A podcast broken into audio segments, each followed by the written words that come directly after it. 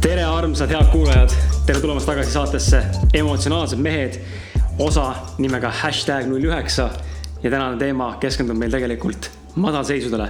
mina olen Kris Kala ja minu kõrval on, Martin Pukspuu, tere tulemast, Martin. tere tulemast, Kris.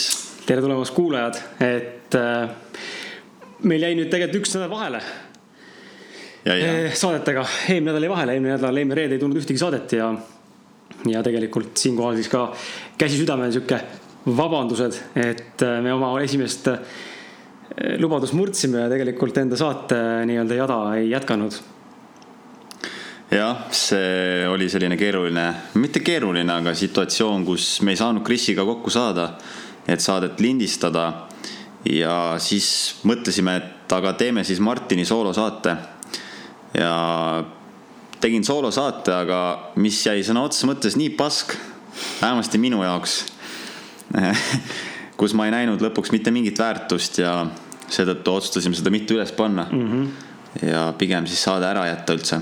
Ja siinkohal ma tahaks võib-olla tuua nagu tegelikult välja selle märkuse ka, et kui te teete elus midagi, siis äh, kindlasti olete märganud, et mõni asi tuleb hästi välja, mõni asi tuleb nagu kehvemini välja ja, ja mina olen enda puhul ka märganud seda, et võib-olla saate puhul on seda on see näide hea ja, ja neid näiteid on, on veelgi, kus tegelikult on kohe näha seda momentaalset nii-öelda kehva tulemust, aga aga samal ajal mitte kunagi ei tasu nagu heidutada ennast sellepärast, et nüüd noh, et kui ma jätangi selle asja tegemata, et siis on pahasti. et ei ole, et olge valmis.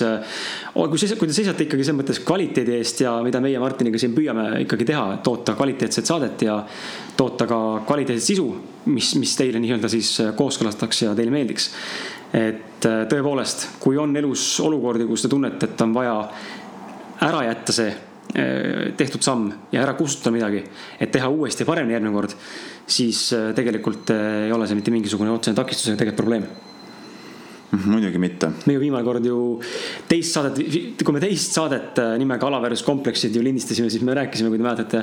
ja kui te kuulanud olete seda, kui ei ole, siis minge kindlasti kuulake, et seal me rääkisime, kuidas lindistasime põhimõtteliselt peaaegu tund aega saate valmis, siis läksime magama ära ja siis jõudsime pikali olla vist mingisugune enesehävitusmõtetega viis minutit äkki ja siis tegime uuesti saate nullist. et äh, nii ta paraku on mõnikord, et läheb pahasti ja teed uuesti aga see on ka naljakas asi, me vist ei olegi seda saates maininud, et kui me rääkisime, et läksime magama ära naersime mõlemad, et raudselt inimesed mõtlevad, et äh, oleme siin väiksed homopoisid, läksime koos magama ära. aga tegelikult on lihtsalt see, et Kris elab äh, linnast väljas ja Kris jääb alati minu juurde ööbima, kui me saadet lindistame. ja, ja sellepärast oli, oli, oli ta, oli ta nii, niipidi. nii et kui te kuulete, et me oleme seal koos magame, siis päris. päris nii ei ole. kahju, kahjuks või õnneks. pepupoisid veel ei ole nii, aga, aga mis meil vahepeal toimunud on, Martin, selles mõttes, et äh, nädal aega möödas, äh, saade jäi vahele. infot on palju, minu elu on täiesti mõttetu olnud. Äh, niimoodi on, niimoodi on kole öelda, aga minul on täiesti iga, iga, igav elu olnud need eelmised nädalad, eelmised kaks tegelikult nädalat, kui sa olid Barcelonas, Hispaanias puhkasid tegelikult.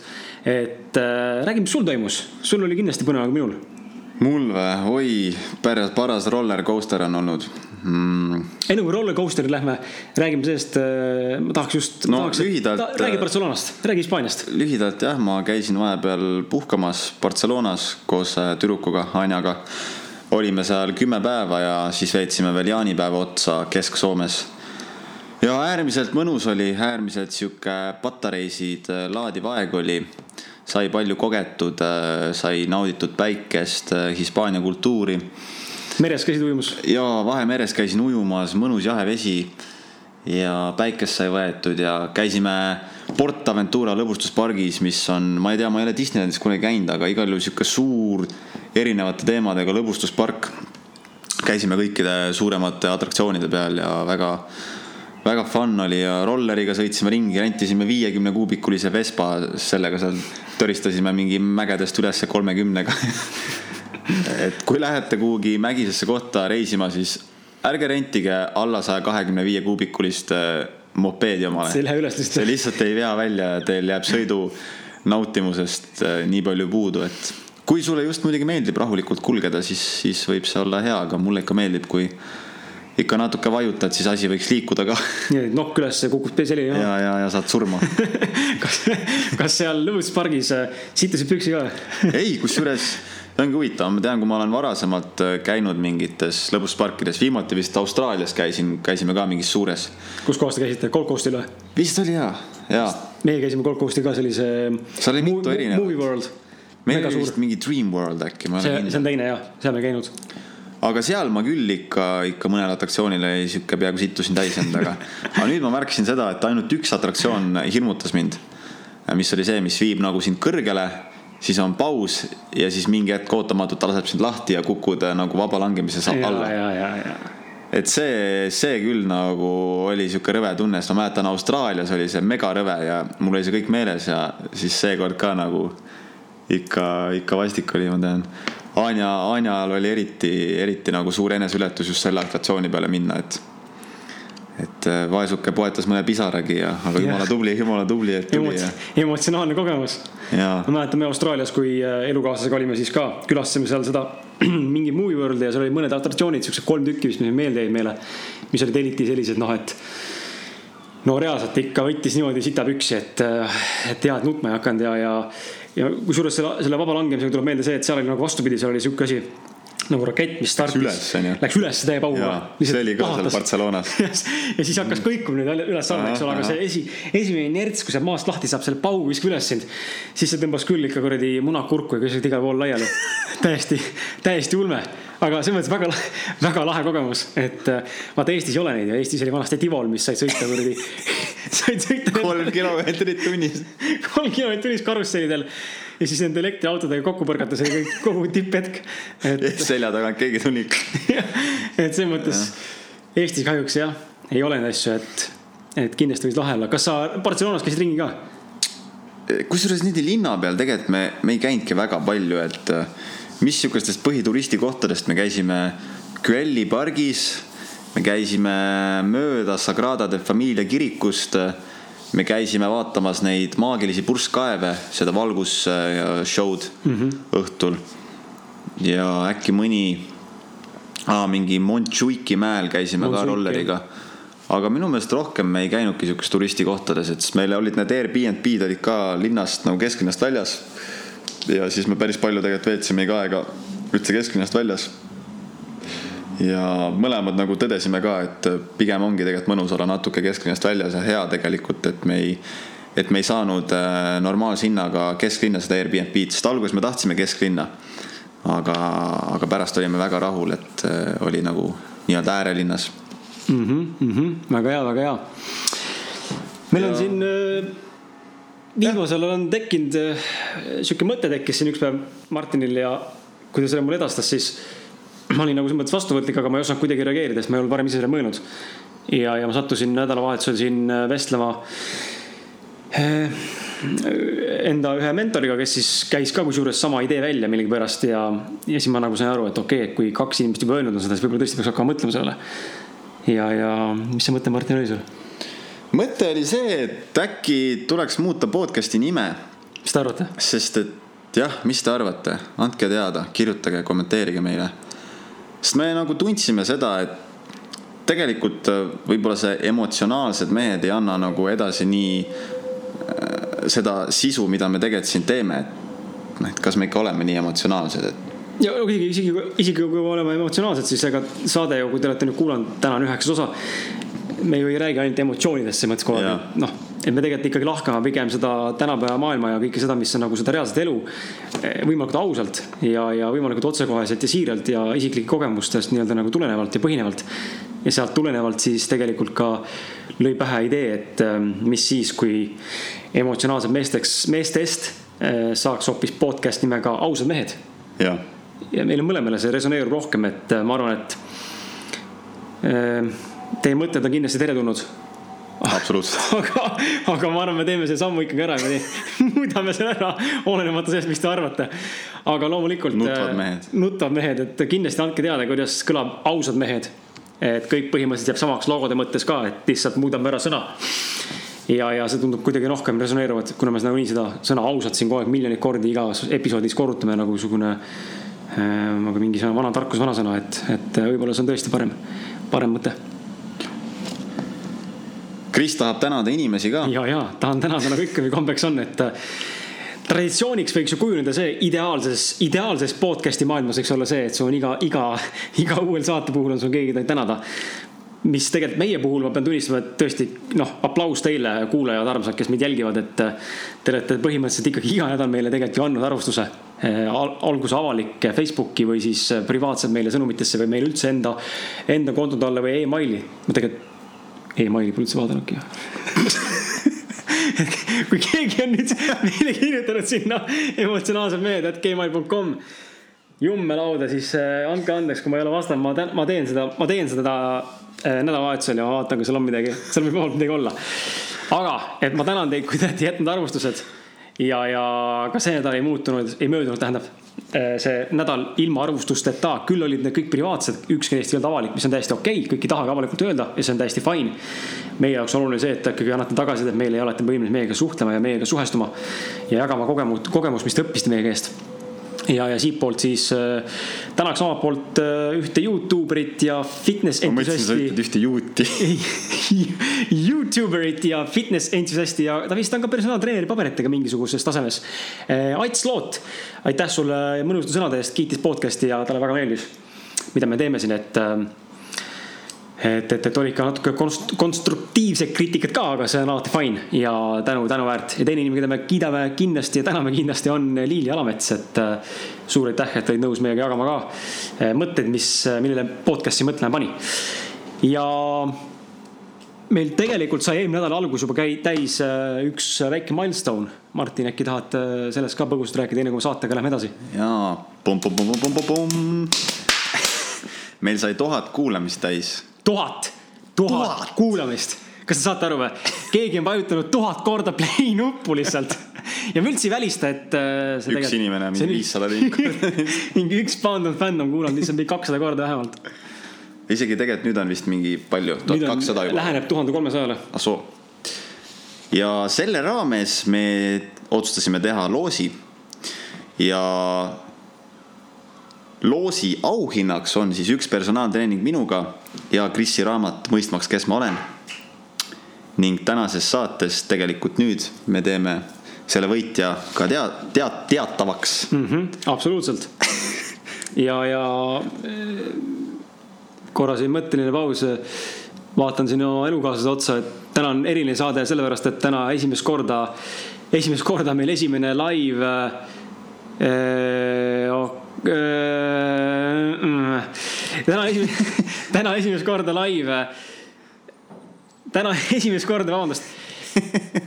vaatasin pikalt praegu otsa elukaaslasele ja täna esimest korda on meil äh, siin laivis kuulamas üks inimene meie podcast'i, mis on tegelikult äh, minu jaoks ei tundu praegu midagi teistsugust olevat, aga, aga see on teema, millest Martiniga tegelikult oleme rääkinud ka ja mõelnud, et tegelikult tuleviku raames, kui podcast kasvab ja kasvab ja kasvab, siis tegelikult võiks hakata tegema mingi hetk, ütleme kuus korra või siis äh, mingisuguse noh, suhte, ajasuhtega eh, live esitlusi, live saateid mm, -hmm. et see võib kindlasti lahe olla ja siis saab rohkem nagu kaasata tegelikult ju kuulajaid ja mm -hmm. anda neile sõna rohkem. et eh, mic in the face, noh, et eh, küsid küsimusi ja vastad küsimusi ja, ja, ja paneme ära üksteisele ja saame hakkama nutma, kõik nutame koos. aga. aga selle, üks, võin jätkata või tahtsid öelda? saate võitjatega jah. et Loos selle loosiga on nüüd selline naljakas lugu, et selles loosis osales täpselt üks inimene et äh, ei tea, kuidas seda nagu võtta, et. ega no tegelikult, olgem ausad, ei, ei reklaaminud ka nüüd seda nii väga ja meil ei ole nii palju jälgijaid veel. aga natuke oleks oodanud ikkagist rohkem äh, osalejaid. aga siiski, me oleme õnnelikud selle üle ja ja kas tahad välja kuulutada meie võitja? lepime, lepime kokku, et äh, kohe sinuga praegu, kes sa mind kuulad, kes sa meid kuulad, lepime kokku, et äh, selleks, et sa meid üle laseks ja nüüd loosi võitjat ära ei kuulaks ja läheb minema, siis äh, me laseme su saate ikkagi lõpuni kuulata niimoodi, et me ei ütle, millal välja ütleme selle me ütleme sulle võitja saate keskel suvalises kohas. niimoodi, et sul ei jää muud üle, kui sa kuulata, kes võidab. Sest et sotsiaalmeediasse me üles ei pane seda. Järsku lihtsalt mingi mm, Jüri. Jüri võitis et äh, võitja selgub saate jooksul, hetkel ma seda ei ütle teile. nii et stay in tuned. aga lähme, lähme siis, äh, piibel ette siia, lähme siis tänase teemaga edasi. tänase teema, tänaseks teemaks on siis elulised madalseisud ja kuidas neist välja tulla ning kuidas nendega toime tulla. minu ja Martini jaoks eelmine nädal oli tegelikult äh, äärmiselt, ma tahaks öelda, et mitte küll elumuutev, aga, aga raputav just vaimses kontekstis ja, ja, ja sellest tahame täna rääkida ja samuti tahame jagada võib-olla ka oma, oma isiklikke nõuandeid, kuidas me sellest, ütleme siis madalseisust välja tulime ja mis see tegelikult lahendus oli ja, ja kõik need muudused, mis sellega kaasnevad, et ma usun, et meist igaüks on kindlasti kogenud elus mingisugust madalseisu, noh, olgu ta trenniga seotud, olgu ta pereeluga seotud, olgu ta seotud sul tööga, millega iganes, iseenda kriisiga. ja, ja. Ja see on nagu paratamatu, elus ikka juhtub asju ja, ja inimesed muutuvad aastatega, aastakümnetega ja, ja teatud sündmused elus ju šokeerivad meid ja, ja panevad meid mõtlema teistmoodi, käituma teistmoodi ja see on täiesti okei okay., nüüd on oluline minu jaoks on see, et äh, kui sellised sündmused juhtuvad, siis on oluline märgata seda, miks see juhtus. Äh, mis on see põhjus, mis on see tagajärg ja, ja millest tulenevalt võis olla noh, see märk nii-öelda elu poolt antud, et nüüd juhtus sihuke asi praegu juhtus onju, et mm -hmm. kuigi me Martiniga oleme väga teadlikud inimesed, me noh, meil on kõvasti arenenud, aga me oleme saanud, ütleme niimoodi väga teadlikuks võrreldes sellega, mis me kunagi võib-olla olime, et kõva areng läbi tehtud. ja tänaseks ma saan öelda, et ma olen kindlasti mingisuguses staadiumis olemas juba teadlikkuse koha pealt, eneseteadlikkuse koha pealt. aga, aga kindlasti areneda palju, kuid ka meie mõlemad siis äh, noh, nii naljakas on see ka, mõlemad tegelikult ju kogesime põhimõtteliselt paralleelselt samal ajal küll erinevaid kogemusi, aga midagi sellist, mis tegelikult raputas. ja, ja, ja ma arvan, et iga asi juhtub, ükski asi ei juhtu elus niisama iga asja taga on ka põhjus ja ma arvan, et üks põhjus võib olla ka see, et me täna seda sellest teemast just siin räägime, et võib-olla olekski olnud keeruline rääkida sellest teemast, kui üks oleks kogenud mingit emotsionaalset murdumist ja teine ei oleks, onju. Et kuna mõlemad kogesime seda, siis on hea selle pealt ka nagu kohe rääkida. et kas alustan mina või alustad sina, Martin, natukene põgusalt, et viia sisse seda inimesi, mis juhtus sul, mis juhtus mulle ja, ja mis nagu tabas, mis see nagu šoki tekitas. ei, ma võin alustada küll äh,. mul hakkas, ma alustaks natuke varasemalt, et enne. kaks aastat tagasi. jah, kaks aastat tagasi olin kuskil ühesõnaga enne Barcelona reisi, siis ma tundsin, ma olin, ma olin väsinud. ma olin väsinud äh, füüsiliselt, emotsionaalselt äh, igal tasandil, ma millegipärast eh, tihtipeale ei maganud enam öösiti normaalselt. tähendab, kui ma magasin, ma magasin normaalselt, aga mul läks tihti varem uni ära mm. -hmm. ärkasin väsinuna üles, seetõttu ma ei saanud nii korralikult trenni teha, nagu ma tahaks ja mul ei olnud üldse tihti energiat teha asju nii hästi, kui ma tahaks. ja see kõik frustreeris mind. Ja millegipärast ma olin pidevalt stressis, pidevalt pinges. ja reisile minnes, siis äh, see kõik muutus, on ju. aga enne kui sa reisile lähed, ma küsin täpsustava küsimuse niimoodi, et sa olid pingis ja stressis, oli raske. oskad sa praegu tagantjärele vaadates öelda, mis põhjustas seda stressi ja pinget? millest see tulenes? Võib-olla nagu suuremas laastus, et kas ülepinged, võib-olla suhtetöö, mingi kombinatsioon, elu, enda elu või ainult töö, trenn või saad piisavalt trenni teha või saad piisavalt magada või sitt toitumine või millest see nagu tulla võis inimesel? kõige kombinatsioon, kõige kombinatsioon noh, kindlasti, eks ju, et ma ei saanud magada piisavalt, sest mm -hmm. minu jaoks on hea uni mega oluline. ma olen seda korduvalt elus märganud, et nii kui mul on mingi periood tegelikult, kus ma ei maga korralikult, see. Ma ei tea, mul on isegi vahel sihuke tunne, ma muutun nagu veidi teiseks inimeseks, ma lihtsalt äh, ei toimi enam normaalselt miski. trenn on minu jaoks nagu mega oluline ja ma ei saanud trenni teha normaalselt. Äh, ja muidugi suhtes oli ka väljakutseid ja, ja see kõik kokku see kõik, kõik kokku ja, ja jah, olingi enne reisi, mul oli täiesti esimest korda alates sügisest, kui ma selle kogu treeneritööga alustasin, oli mul selline tunne, et äh, ma ei olnud vaimustuses sellest enam. ja, ja reisil siis sai mõnusalt ennast laadida, sai akut täis laadida sihuke täielik idüll oli. sai vitamiini, D-vitamiini pauguga näkku. ja, ja täielik idüll oli ja lõpetuseks seal Soomes veel jaanipäev keset Soome metsasid, keset vaikust oli ka väga mõnus. oota, sa käisid Soomes kelle juures?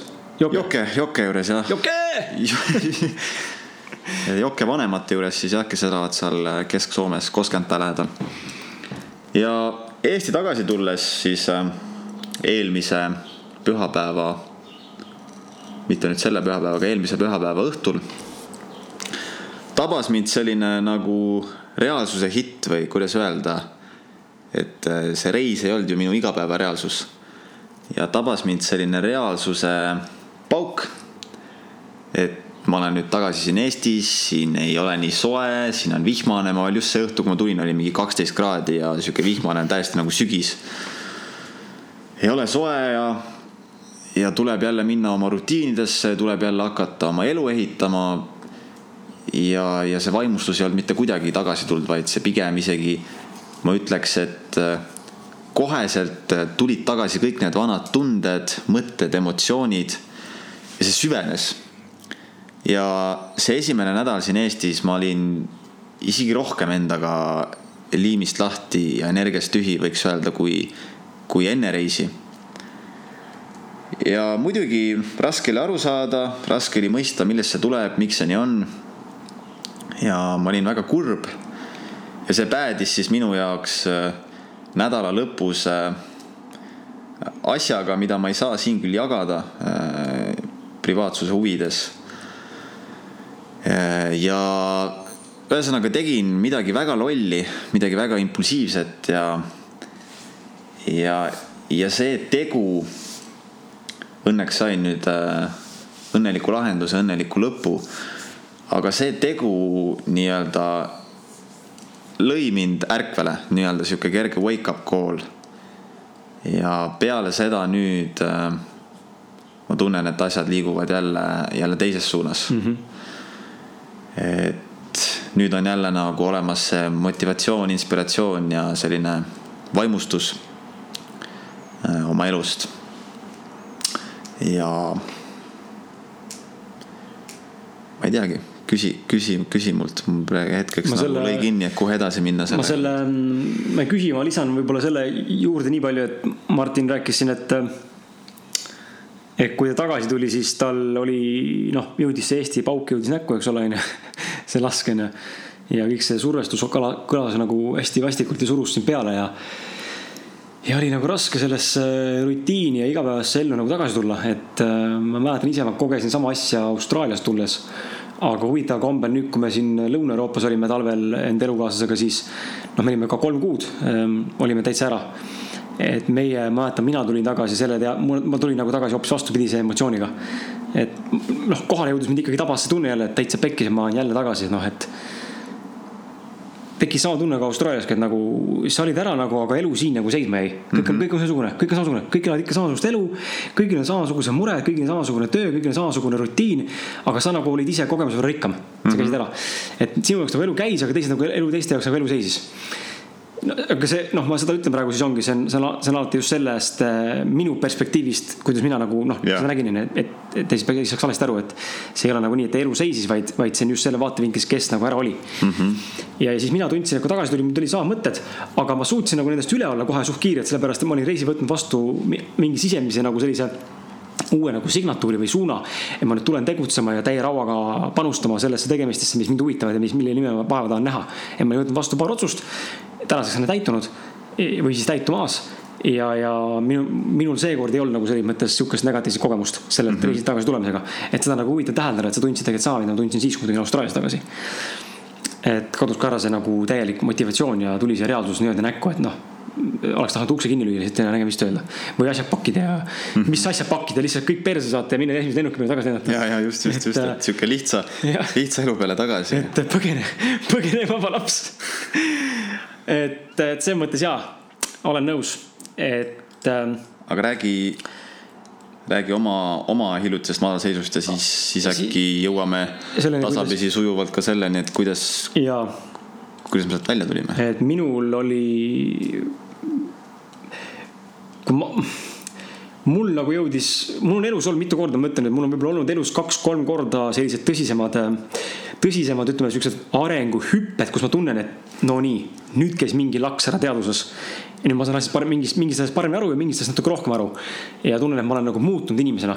et esimene suurem äh, laks käis ära kunagi noorena, kui ma hakkasin üldse nende kõikide teemadega tutvuma, eks ole, vandenõud ja mingid äh, kogu see kosmiline pool ja kvantfüüsika ja muud asjad, eks ole, ja siis ärimaailm ja siis käis nagu suur nõks peas ära ja hakkasin nagu suuremat pilti nägema, puustetükid hakkasid kokku sulanduma.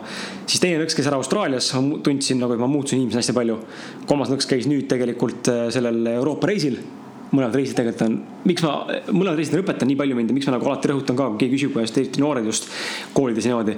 et miks ma julgen rõhutada seda, et minge reisige nii palju kui võimalik on. Eh, Martin tegelikult nakatus ka nüüd tegema, sain aru, viimati kord, viimane kord temaga rääkides tegelikult see teema, siis tegelikult ta sai, sai ka selle väikse ikkagi pisiku uuesti tunda, et kui hea tegelikult olla nagu ikkagi noh niimoodi nagu vabalt minna kuskile, olla kasvõi paar nädalat või kuni kuu on ju või mitu kuud. niimoodi, et sa saad selle välismaa sihukese laksu kätte, et ah sa raisk noh. mul käis esimest korda see mõte peast läbi, et kas ma üldse tahan Eestis elada. no vot, ja ma olen seda tundnud nii palju juba aga huvitav on see, kust see mõte tuleb, eks ole, see tulebki järelikult sellest, et see, see kogemus on niivõrd positiivne võrreldes sellega, mis sa oled nagu rutiinis, noh, enne reisi elanud nagu. ja see kaalub seda nii palju üle, onju, mis võib-olla ei ole üldse ratsionaalne. aga ta on puhtalt emotsionaalne, aga samas loomulikult äh, oleme emotsionaalsed inimesed, emotsionaalsed mehed. siis äh, paratamatult see ikkagi ju mõjutab seda kaalukaussi, mis valikuid sa teha tahad ja mida sa tegelikult tunned ja sisetunne on kõige tähtsam ja, ja viimane nihe oligi mul siin nädal aega tagasi, kus ma sattusin siis, noh, ma nüüd viimasel loen päris palju raamatuid ja vaatan, kuulan podcast'e, vaatan igast videosid enesearenduslikke. ja olen nagu selles suunas nagu praegu hästi liikuv. ja mitte nii väga nagu vaimses kontseptsioonis, et ma nüüd siin loen mingisuguseid asju umbes, et kuidas toimub külgetõmbeseadus ja kuidas nagu väga mediteerida või pigem nagu väga maises ja praktilises viisis. aga mingi põhjus sattusin ühe video, ühe video peale, mis nagu kõnetas mind just väga hingeliselt ja puudutas nii sügavalt, et ta lõi mulle nagu, tekkis selline tunne, et keegi justkui lõi mulle noa nagu nagu hinge ja, ja kraapis seda nii kõvasti, et, et ma mäletan, ma olin nagu šokis mingi kaks päeva peaaegu. nagu see, selle saate äravaatamise, mis oli ikkagi viiskümmend, viiskümmend minutit pikk video ja selle saate äravaatamise lõpus ma jõudis nagu kohale, et täitsa perses noh, et mida kuradit, mis asi see üldse elu on. ja mul tekkis, mul nagu tekkis nagu sihuke, tundsin nagu õrnat depressioon, ma ei olnud depressioonis, aga Google andis välja mulle, mul oli eksistentsiaalne depressioon mis siis tegelikult viitas sellele, et ma, see oli põhimõtteliselt tähendas seda, et see on depressioon, kus inimene mõtleb siis väga eksistentsiaalsetele küsimustele, kes ta on, miks ta on tulnud planeet Maale ja, ja mingisugune depressiooni alamliik väidetavalt. ja ma tundsin kohe täiega, noh, et ma olin nagu nii sisse tõmbunud kuidagi, kogu minu see maailmapilt, see väline maailm lihtsalt kadus ära. ma lükkasin ta täiesti kõrvale ise automaatselt ja ma olin nii sissepoole sunnitud vaatama, et mul lihtsalt oli nii valus ja vastik endaga olla ja mul ei jää muud üle, kui hakata seda kõike seda infot nagu seedima, mis ma õppisin. ja, ja kuna ma konspekteerin alati, kui ma midagi uuri, uut uurin või teen ja õpin ja loen. ja sama soovitan äh, ka teile puhtalt nagu enda kogemuse pealt, et kui te meie saadet kuulate, mingi, mingi, mingi klikk jääb ära ja mingi mõte on hea, mis, äh, mis nagu endale külge jääb, siis pange kohe kirja, see jääb nagu noh, talletub paremini, kui sa pärast hakkad otsima seda kuskilt. ja, ja ma hakkasin seda konspekteeritud teksti läbi töötama enda jaoks ja siis lõpuks ma olin nii stressis, ma ei saanud midagi aru ja, ja ma mäletan teise päeva õhtuks ma lõpuks jõudsin selleni, et ma siis otsustasin, okei okay,, ma kirjutan päevikusse lihtsalt äh, noh vahet pole, mis sealt tuleb, ma lähen istun. Äh, ma olen täiesti vait, kellegagi ei räägi, ma panen kirja kõik enda mõtted, mis mu pähe tulevad, nii nagu tulevad. nagu praegu teiega umbes räägin, sõna-sõnalt koos komade, punktide, kõikide kirjamärkidega. Ja, ja vaatan, mis sealt tuleb, kuhu ma jõuan, onju, ja üritan nagu enda mõtte, mis ma kirja panen, ka analüüsida ehk siis nagu endaga nagu justkui nagu dialoogi teha, miks, küsida küsimusi ja nii edasi. ja ma kirjutasin mingi viis, viis-kuus A4, mitte A4, vaid sihukest, ütleme sihukest suuremat sorti vihikut. lehte täis, ridade kaupa. niimoodi käsi oli kuradi väsinud ja krampis ja mõtlesin, kukub otsast ära lõpuks. sest pole ammu harjunud, harjunud kirjutama nii pikalt. ja, ja nii kui ma selle ära kirjutasin, viimased laused, siis ma mäletan, et elukaaslane oli seal aias, tegeles oma asjadega. ja ma tõusin püsti läksin kohe nagu rõõmsalt rääkima ja siis ta ütles ka nagu pärast mulle, et ja ma olin momentaalselt kohe rõõmsam, kuidagi käis ära, noh, oli näha, see pinge kadus mm. -hmm. ja, ja see oli nagu minu jaoks hästi huvitav, et, et kui isegi kui sa oled hästi tasakaalukas, nagu ma tegelikult olen ja vaoshoitud ja olen kõigi nende teemadega kursis ja päevakõlas, siis tegelikult ikkagi üks inimene suutis mingi üksiku mõtteteraga mind tegelikult endast nii välja viia. et ma jõudsin selleni, et ma olen täiesti valesti elanud, jälle valesti elanud ja täiesti valesti jälle käitunud. ja tegelikult oma elu mingil määral nagu üles seadnud. ja see oli valus ja, ja mulle üldse tundub, et kui me vaatame Martini situatsiooni ja, ja enda situatsiooni, siis asjad juhtuvad elus tegelikult ju puht sellepärast, et see on minu kogemus muidugi. ma muidugi võib-olla ei, ei räägi siin teie eest, te peate ise tundma, kuidas see teiega resoneerub ja kas see vastab tõele või mitte. aga mina tunnen isiklikult, et äh, sellised sündmused, mis tulevad läbi vaimse maailma nii-öelda šoki või, või, või võib tulla mingi füüsiline maailma šokk ja trauma. üldse, mis on trauma nii-öelda, äh, siis tegelikult need tulevad õpetama ja tulevad meid suunama tagasi sellesse, sellele õigele rajale, sest järelikult me oleme liiga palju eemale kaldumas ja, ja oleme korduvalt ämbrisse astunud ja mingisugune kõrgem intelligents või kõrgem minavorm või kuidas iganes keegi nimetab, ma ei tea, mis see on ka. aga see nagu kikib inni ja lööb sind nagu mingil määral äh, selles mõttes slap'iga paika. et ma ei tea, kuidas sina tunned, Martin, kas see, kas see vastab nagu sinu jaoks ka tõele või sa pigem tunned, et noh, kus see, miks see asi tuleb meile niimoodi, miks, miks, miks miks, miks äh, nagu, nagu see doktor Joe Dispenza ütles, et inimesed muutuvad just siis, kui on see väline trauma mm. -hmm. aga miks ei võiks muutuda siis, kui kõik on hästi ja ma nüüd võtan vastu otsuse, ma olen täna õnnelik, jee.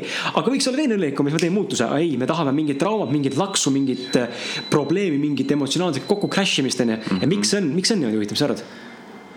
vot ei tea, see on noh, minu kogemus näitab ka seda, et ikkagist valu ja kannatused kuidagi on tegelikult kõige sügavama mõjuga ja õpetavad äh, meid kõige rohkem.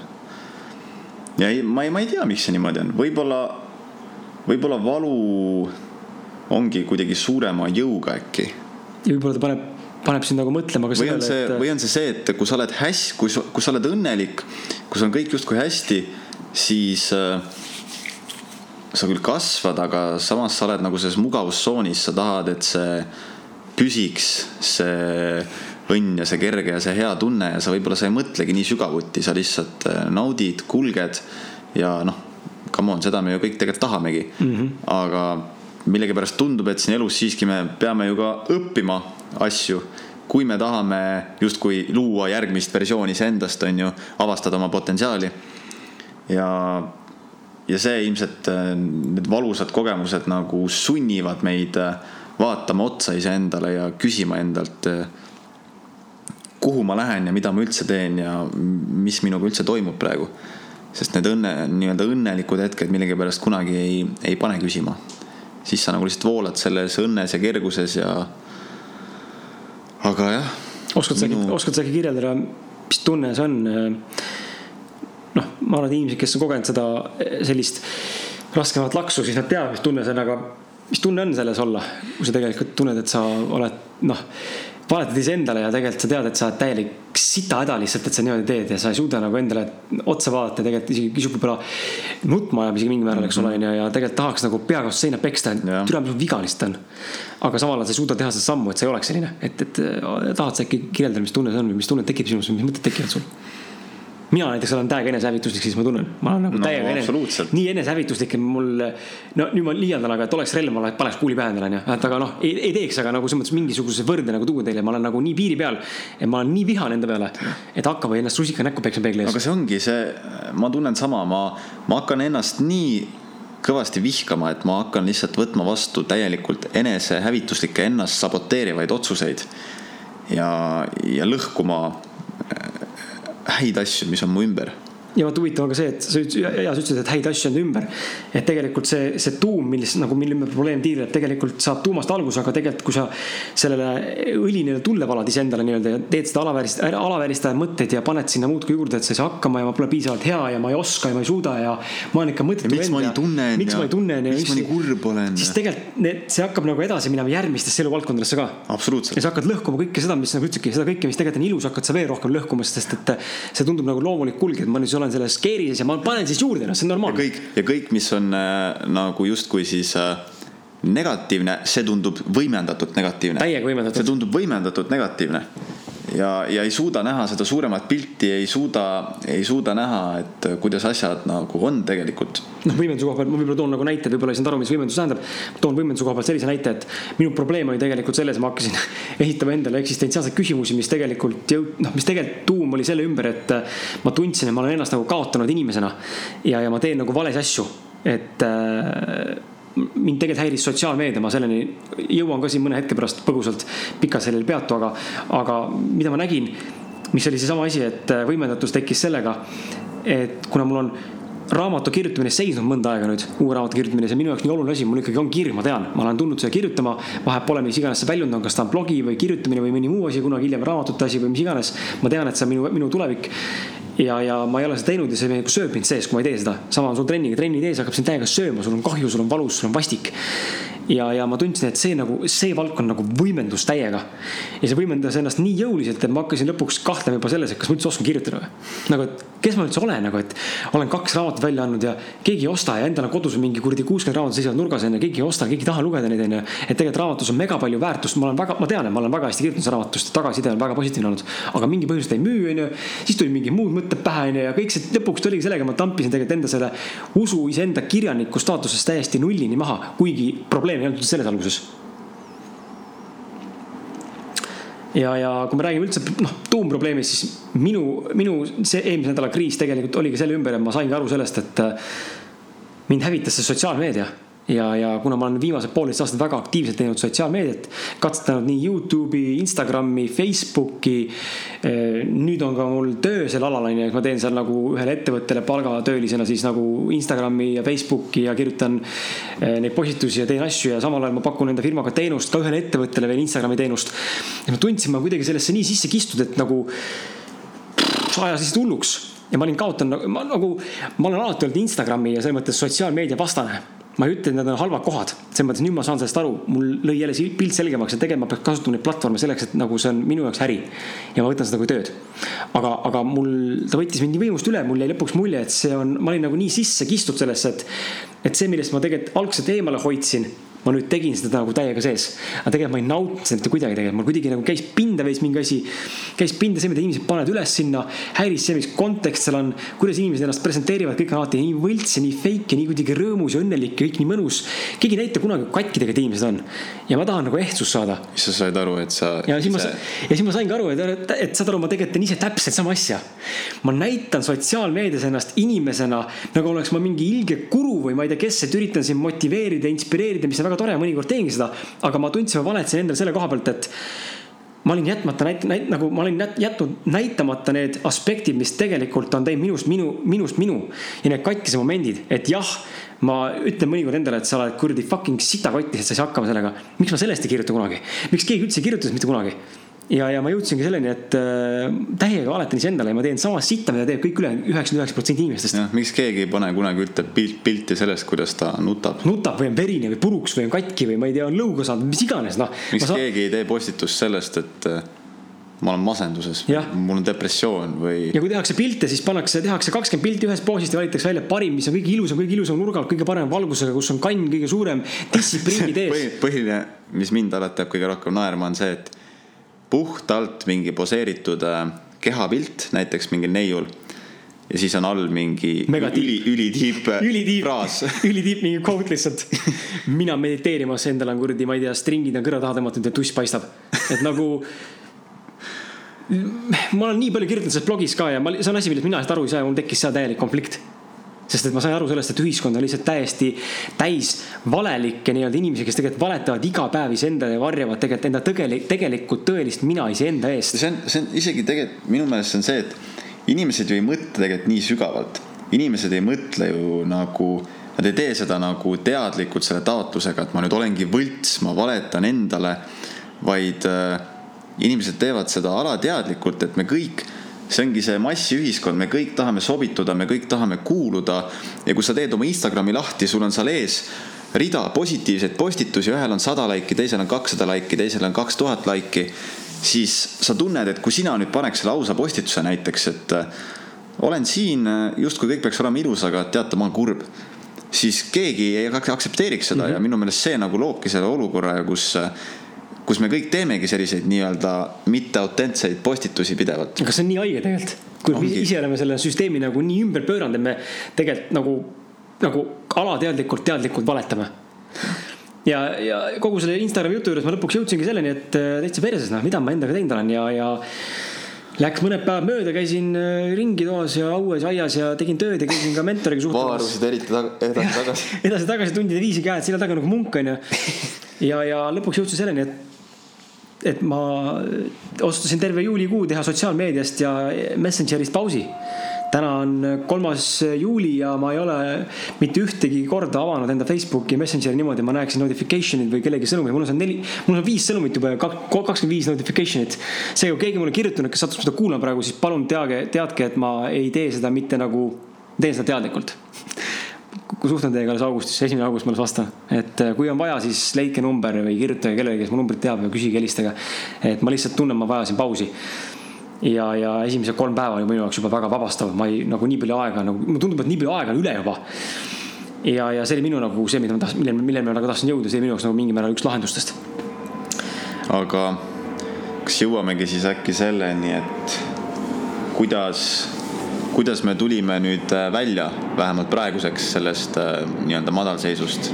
no tegelikult minul on veel see point tegelikult rääkimata, et Nii. äh, probleem oli küll olemas ja, ja välja sain tulla sealt, aga tegelikult ma jõudsin tänu selle päeviku pidamisele siis ütleme niimoodi ja, ja muudele asjadele jõudsin tegelikult selle tuuma tu, nagu tuuma teise osa tuumani ehk siis probleem hakkas eksistentsiaalsetest küsimustest ja sellest, kuidas ma elan täna siiamaani ja miks ma neid elan, miks ma endale valetan ja miks ma olen eemale läinud sellest, kes ma tegelikult olen.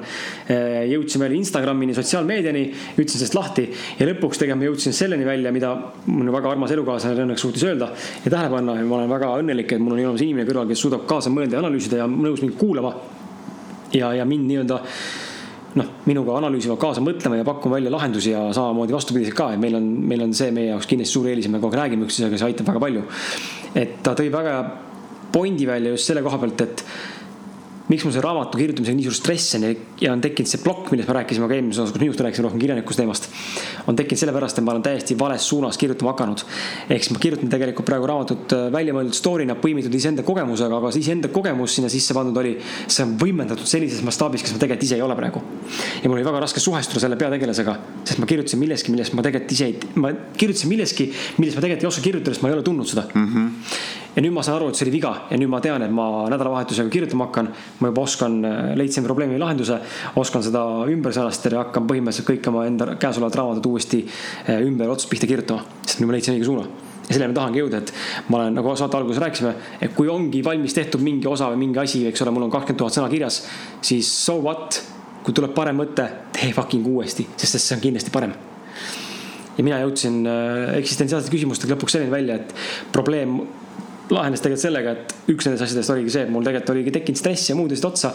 otsisin lahendust sellele, et mul tegelikult seisis minu kirg mm. -hmm. see, kes ma tegelikult olen, see seisis mm -hmm. ja mind, mulle tegi haiget see et see oli minu jaoks kindlasti üks äh, avastus selline, et vau wow,, et no kuidas ma nüüd selleni nagu sihukese ringiga selleni jõudsin. et ma mhm. tegelikult üldse ei otsingi lahendust sellele, teadlikult. aa, tegelikult otsisin kogu aeg, kaks kuud juba.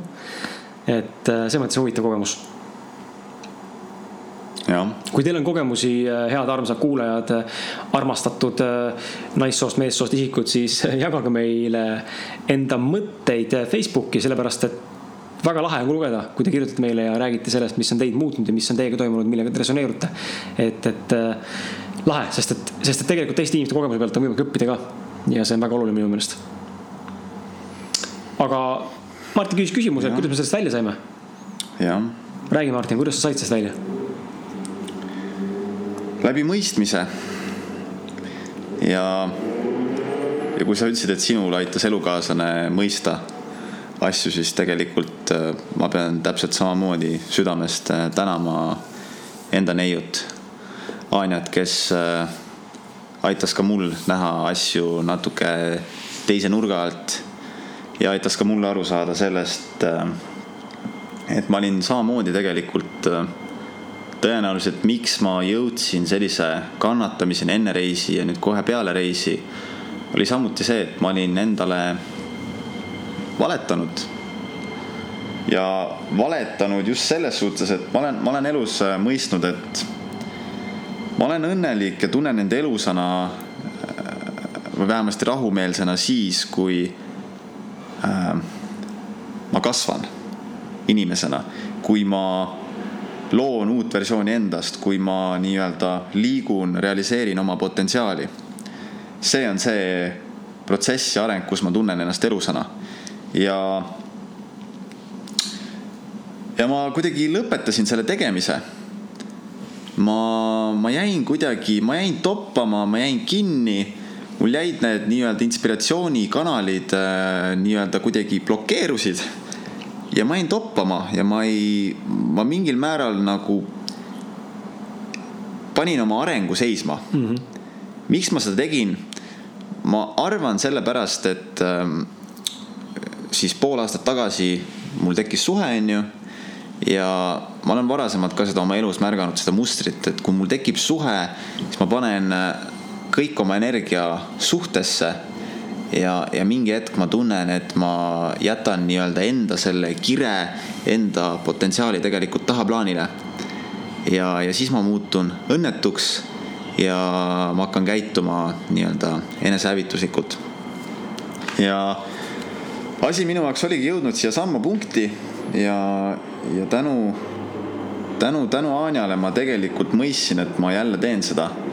et ma jälle tegelikult äh, nii-öelda põgenen enda eest, ei tee enam äh, asju, mida ma tean, et ma pean tegema, mida ma tean, et ma tahan teha. ei realiseeri oma potentsiaali, istun natukene nagu sellises mugavustsoonis ja ja see mõistmine, ma ütleks, on nüüd see, mis mind sellest nagu välja tõstis ja välja tõi. et äh, ma sain aru, et ma pean hakkama ikkagist, äh, ma võin ju suure nii-öelda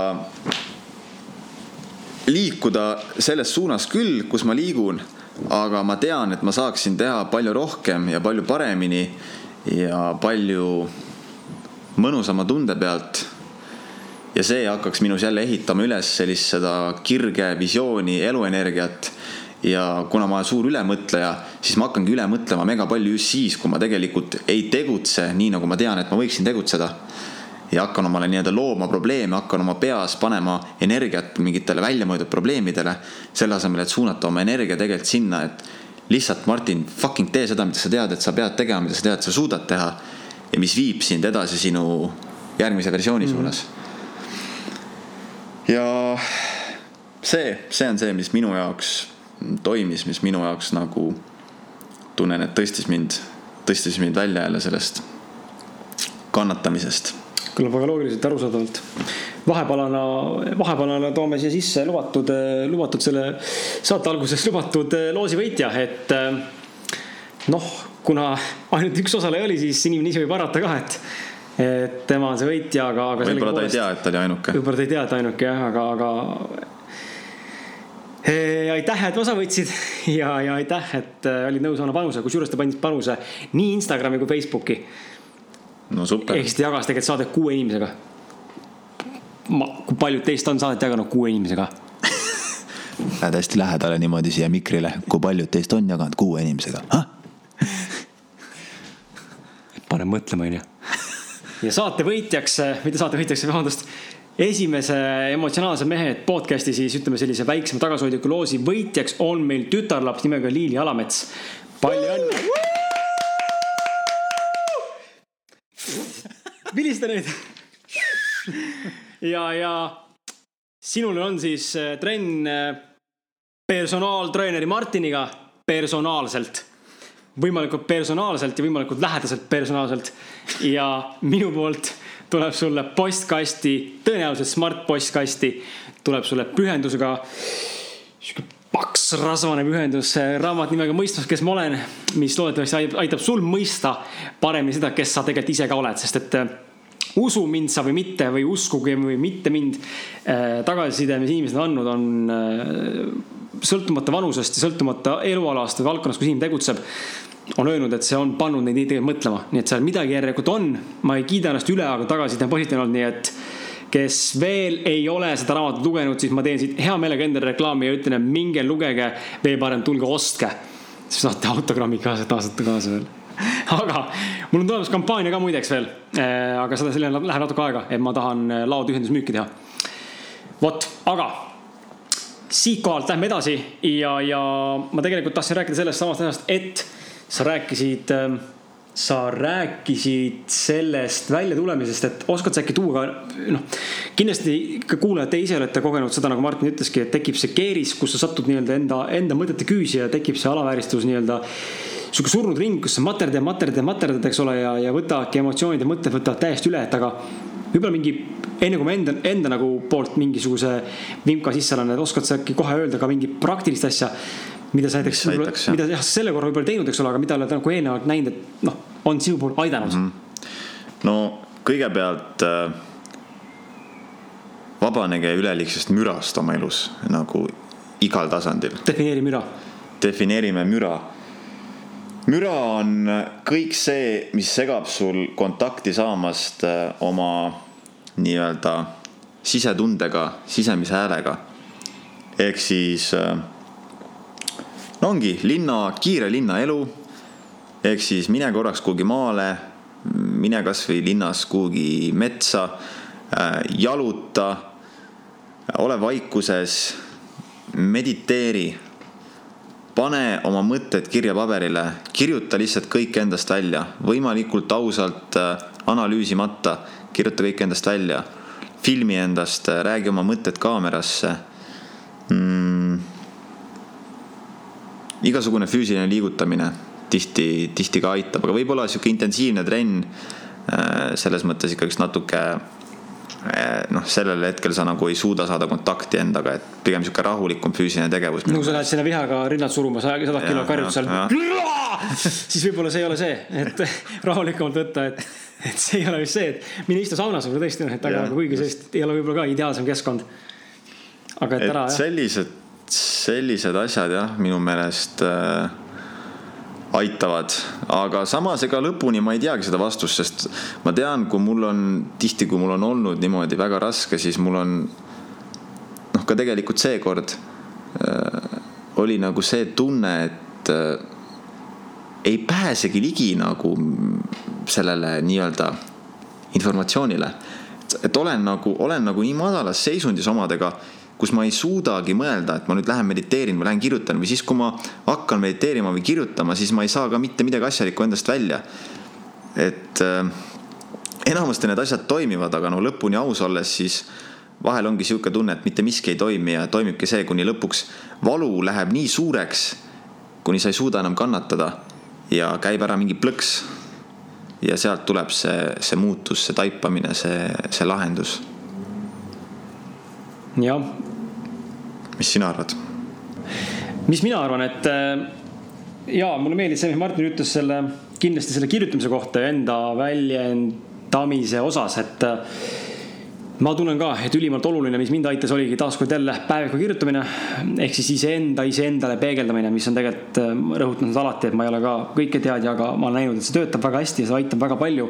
kui sa oled võimeline olema iseendaga aus ja sa viitsid tõesti nagu vaeva näha, mitte selle kirjutasin ja mul on sitt tuju. okei okay,, võib-olla see on sinu lahendus, sa kirjutad sitt tuju, paned kinni ära, onju, noh, see tõenäosus on see, et see ei aita, sest tegelikult sa ei tee mitte mingisugust eneseanalüüsi kirjuta põhjalikult, kirjuta kõik välja, päevik sind hukka ei mõista. Sina iseennast ka pärast üle loetud teksti, üle, üle loetud tekstina nii-öelda ennast hukka teist korda ei mõista, sest et tegelikult sa saad üle, enda teksti üle lugedes hakkad sa palju paremini aru saama sellest, et kust see lause võis tulla, mis emotsiooni pealt või mis, mis tulemuselt. ja tegelikult tekivad ka omakorda uued äh, kolmandad mõtted juurde, mis tegelikult võivad viivad tegelikult tuua ka mingi lahenduse.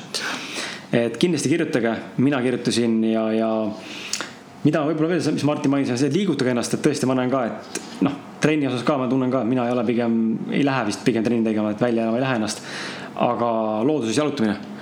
et äh, ma olen näinud seda enda puhul ja elukaaslase puhul, kui on tuju veidi kehvem, siis looduses olemine ja looduses jalutamine on hästi rahustav ja hästi mediteeriv tegevus tegelikult, et see mediteerimine minu jaoks ka uus sõna, ma olen hakanud alles hiljuti nüüd mediteerima ja katsetama, et ma tegelikult ei tea, mida ma teen, aga ma teen. ja tegelikult see ongi tähtis, et noh, loomulikult juhitav meditatsioon on ka oluline ja võimalik isegi, et natuke parem, kui hakkad õppima seda asja selliselt. aga eks igaüks alustab nii, kui alustama peab ja tegelikult mediteerimist ju noh, ei saa ju dikteerida, kuidas keegi tegema peab, sest igaüks tuleb nii, nagu temal tuleb see. ja, ja mediteerimine selles mõttes võõras sõna minu jaoks veidi, aga, aga samal ajal ma saan nagu sellest point'ist aru, et sa lähed ja puhastad ja oled ja oled vaikuses ja oled iseendaga ja oledki täiesti oma isegi mitte mõtetega, vaid lihtsalt oled ja see, see lahendus nagu tuleb pärast seda, kui see pingehetk on lang-, lang-, noh, ping, pärast pingelangust. ja loodus kindlasti on üks see, mis aitab, et ma alles nüüd siin üks päev, siin nädalavahetusel käisime kodu lähedal rabas jalutamas õhtul. jalutasime natukene ja noppisime mustikaid, sõime mustikaid, see oli jube hea oli selles mõttes, kaks tundi läks nii kiiresti mööda, et, et hästi-hästi vabastav kogemus jälle. mida ma omalt poolt oskan veel võib-olla soovitada lisaks äh, kirjutamisele mm, ja looduses jalutamisele on on kindlasti see, et leidke endale inimene, kellega saaks rääkida, selles mõttes, et jaa, rääkimine on hästi oo oluline jaa.. et üks asi on tõesti see, et sa elad iseennast endale välja päevikusse, aga tegelikult on hästi hea oleks, kui sul on võtta keegi noh, ideaalis võiks olla see partner või, või keegi lähedane perekond, isa, ema või vend onju või õde keegi, või. kes kuulab sind ära ilma, ilma sind nagu Hukka mõistmata. hukka mõistmata. sest et väga raske on nagu rääkida inimesega ausalt, kes nagu on kohe sellises situatsioonis või sellises nagu niimoodi sellises helistikus, et hakkab sind hukka mõistma. et või sa tunned, et inimene ei viitsi sind enam kuulata mm. -hmm. näiteks ma olengi tihti märganud, et kui mul on rasked hetked, ma tahan ühte sama asja saja erineva nurga alt rääkida läbi, selleks et see saada nagu täielikult oma süsteemist välja. ja, ja kui inimene nagu väsib sinust ära, ta ei taha sind kuulata, see on nagu ühest küljest on arusaadav, et inimene ära väsib, aga teisalt endale jääb nagu sisse see, et noh, fuck, ma pean selle endast välja saama kellelegi. Ja nii on, et äh, mind, mind isiklikult aitas siin nädalavahetusel laupäeva õhtul sain enda mentori juurde minna jälle ja üle pika aja teda peaaegu vist kaheksa-üheksa kuud näinud vist. aeg lendab tegelikult, pole üldse sihuke tunne, et nii, nii kaua pole näinud, aga, aga sain nagu rääkida erinevatel elu, elulistel ja filosofeerivatel teemadel ja, ja, ja see ei ole nüüd. ja mida ma tahan rõhutada partneri juures on ka see, et ideaalis nagu Martin ütleski, et oluline leida partner, kes kuulab, aga veel parem oleks nagu partner, kes mitte ainult ei kuule su pihtimust, vaid kellel on, kes reaalselt naudib sinuga vestlemist et ta tunneb kaifi, sest saab sinuga suhelda. ja, ja tahab sulle ennast ka jagada ja tahabki sind aidata. et hästi oluline on see, et inimesed on vabatahtlikult nõus nagu tegema seda, mitte et nüüd okei okay,, no fine, no tule kurda, ma kuulan, noh. see ei vii mitte kuskile ja see ei ole nagu see ka, mida tegelikult võiks nagu jahtida. ja ja, ja võib-olla kõige lihtsam variant, mis ei pruugi kõigi jaoks toimida, see sõltub vist tõesti, tõesti sellest, mis situatsioonis omadega sa oled ja kui, kui madalseisus sa mingil määral omadega oled. aga välisest nagu keskkonnast informatsiooni ammutamine, lugemine, podcast'ide kuulamine, videode vaatamine, et see toimib mingi hetk väga hästi ja mingi hetk ma kujutan ette, et ta ei toimi absoluutselt. et ma ei ole, ma ei ole veel kogenud, ma ei ole veel kogenud seda hetke, kus ta absoluutselt ei toimi. võib-olla tegelikult olen ka, et ikkagi, kui sa mingi valiku teed, lähed hooldusesse, järelikult ikkagi sa teed valiku üle selle teise asja. muidu sa kuulaks mingit faili. sest ma minu meelest ka ma märganud, et siis, kui ma olen nagu päris sügaval sitas omadega siis nagu see positiivsus, noh, sest enamasti need podcast'id on kõik inspireerivad, positiivsed. siis see positiivsus nagu pigem ei, ei aita. see tundub nagu liiga pinnapealne kuidagi jah, just siis, kui on nagu veits kergem juba olla, siis on nagu see, et noh, tahaks nüüd saada mingit inspiratsiooni, laksu juurde mm -hmm. kuskilt. üks mõte tegelikult, mis mul veel on, äh, mis mul praegu sähvatas. Äh, et küsimus, mida endalt küsida mm, kriitilisel ja raskel hetkel, on see, et kas mul on raske sellepärast, et äh, ma arenen hetkel ma arenen uueks versiooniks iseendast, ma olen tegemas läbi mingit transformatsiooni ja ma olen pidanud otsa vaatama väga paljudele oma teemonitele ja see on lihtsalt valus, see on nagu ego surm. ego sinu, sinust nii-öelda mingi osa sureb ja mingi uus osa sünnib, eks ju, ja see on nagu valus, valus protsess. või see valu tuleneb sellest, et äh, sa liigud oma eluga täiesti vales suunas, jooksed peaga vastu seina ja elu lihtsalt tahab sulle näidata, et halloo, lõpeta ära, lõpeta ära, ärka üles, mida sa teed. et minu meelest see on nagu oluline aru saada, sest et äh, just võib-olla. tihtipeale käivad käsikäes ka, mul näiteks oli nädal. jah, seda küll, jah, tõesti, et see ei ole nii mustvalge. aga ma ise lihtsalt tihti tegelikult märkan, et äh, justkui mul on raske ja on raske sellepärast, et ma olen just nimelt nagu mingis transformatsiooniprotsessis.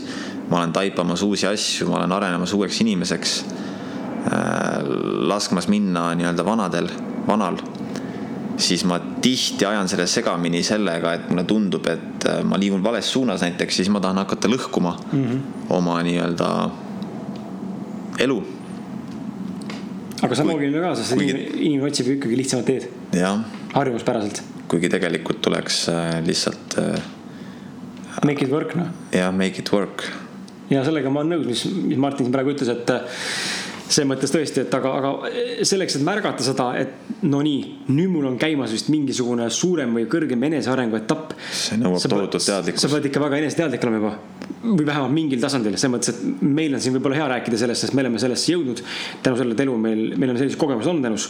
ja loomulikult ma tahtsin rõhutada, et elu ei ole loterii, need kogemused oleme ise endale Martinile loonud.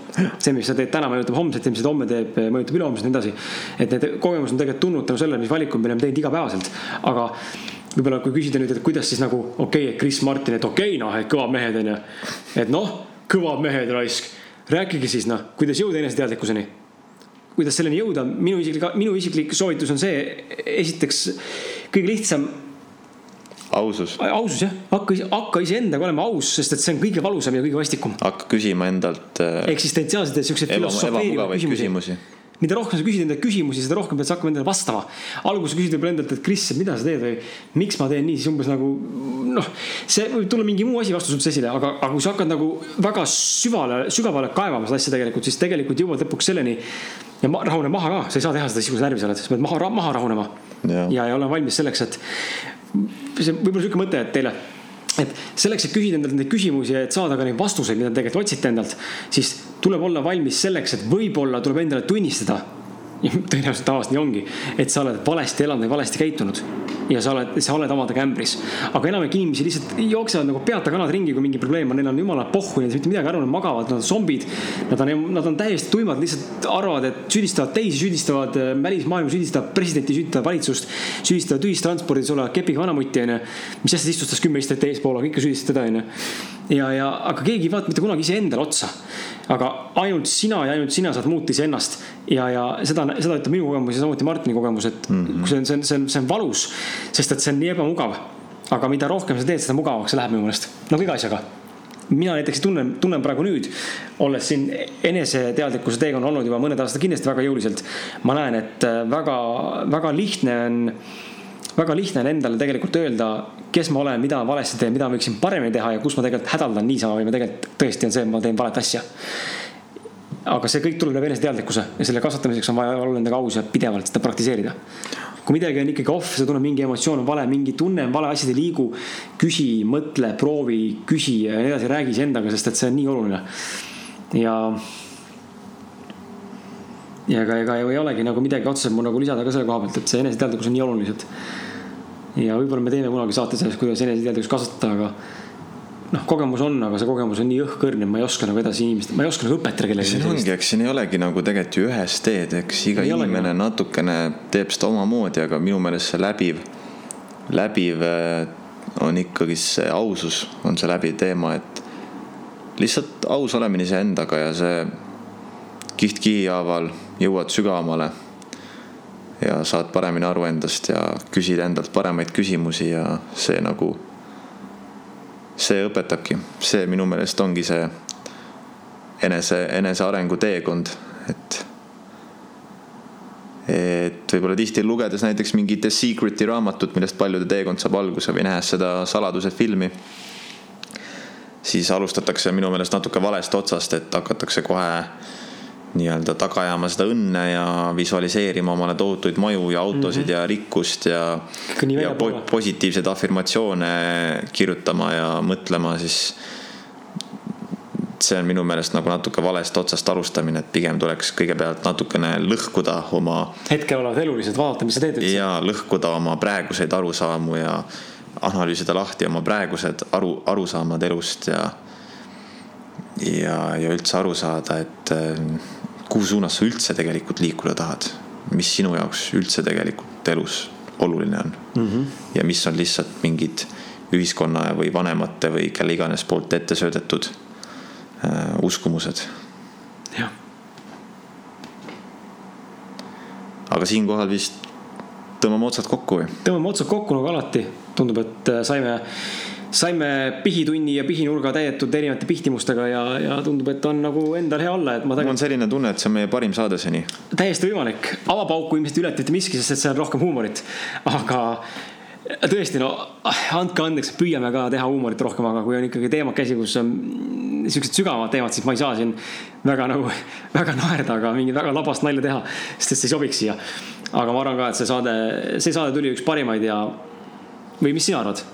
Et. Äh, Eliise, Eliise, Krisi elukaaslane. Eliise noogutab äh, pead, ei, ei, ei, ei, ta ei taha rääkida. pask. sitt pask, pange see põlema. tegelikult ta niimoodi ei arva. Äh, autos kindlasti kuulen, mis ta arvab sellest, ainult positiivselt ma tean juba. aga mis teie arvate, kuulajad? kas, kuidas oli saade?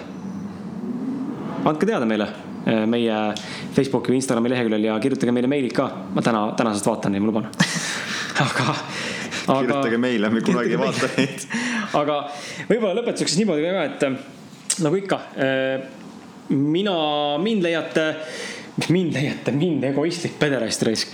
tähendab, emotsionaalsed mehed, edaspidi ausad mehed leiate üles Facebookist ja Instagramist äh, Instagramis oleme me emotsionaalsed mehed ja Facebookis samuti emotsionaalsed mehed kodulehte meil veel hetkel ei ole ja tõenäoliselt ei tule ka, kui peaks tulema, siis kindlasti saab olema emotsionaalsemehed.com või ausamehed.com. aga, aga ja kuulake, kuulake. kolmandat korda oma nime emotsionaalsed ausad mehed aga ega kuulake meid kindlasti SoundCloudist ja samuti ka siis iTunesist, et iTunes on meil väga madal praegu millegipärast, et ma saan aru, et sinna väga traffic ut ei suunata ka, aga SoundCloud on jõhkralt kerimas. andke, andke tuld ja alles täna tuli jälle kaks uut kuulajat. jõhkrad kaks, uut kuulajat no see on normaalne, meil on kolmkümmend täis kohe varsti juba ja meil on, SoundCloudis kolmkümmend followeri nii, et siis SoundCloudis kolmkümmend follower'i, et äh, väga, väga huvitav seis, et siin panin seda faili kokku praegu, seda, seda saadet. ja avastasin kodus juhuslikult, et viimased kolm minutit äh, saatest on kadunud, seega vabandage, kui nüüd on hüppeline kvaliteedi langevus ja vahe.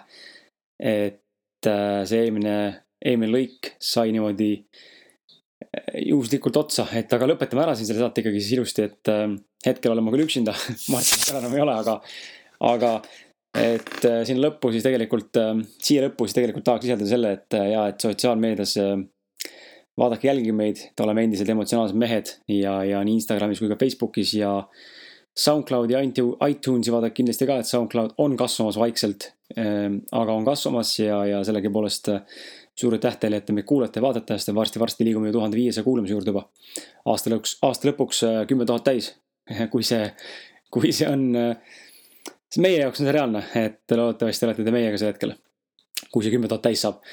ja lõpetuseks võib nii palju, et nagu ikka. me ei küsi otseselt mitte midagi teilt vastu, vastuteenet selles mõttes mitte kunagi, et ainuke asi, mida me palume tõesti on see, et tooge meile üks kuulaja ja, ja sellest tegelikult piisab, et kui iga indiviid tooks meile iga saade ühe kuulaja, siis tegelikult jõuaks informatsioon ja see sõnum palju rohkemate ja paljude inimesteni kiiremini. ja, ja võib-olla asja üle võlli veel keerates ja suuremat rõhku sellele pannes, siis teeme, lepime kokku niimoodi, et äh, jagage seda ühe sõbraga, aga tehke seda esimese tunni jooksul pärast seda, kui saade äh, läbi saab.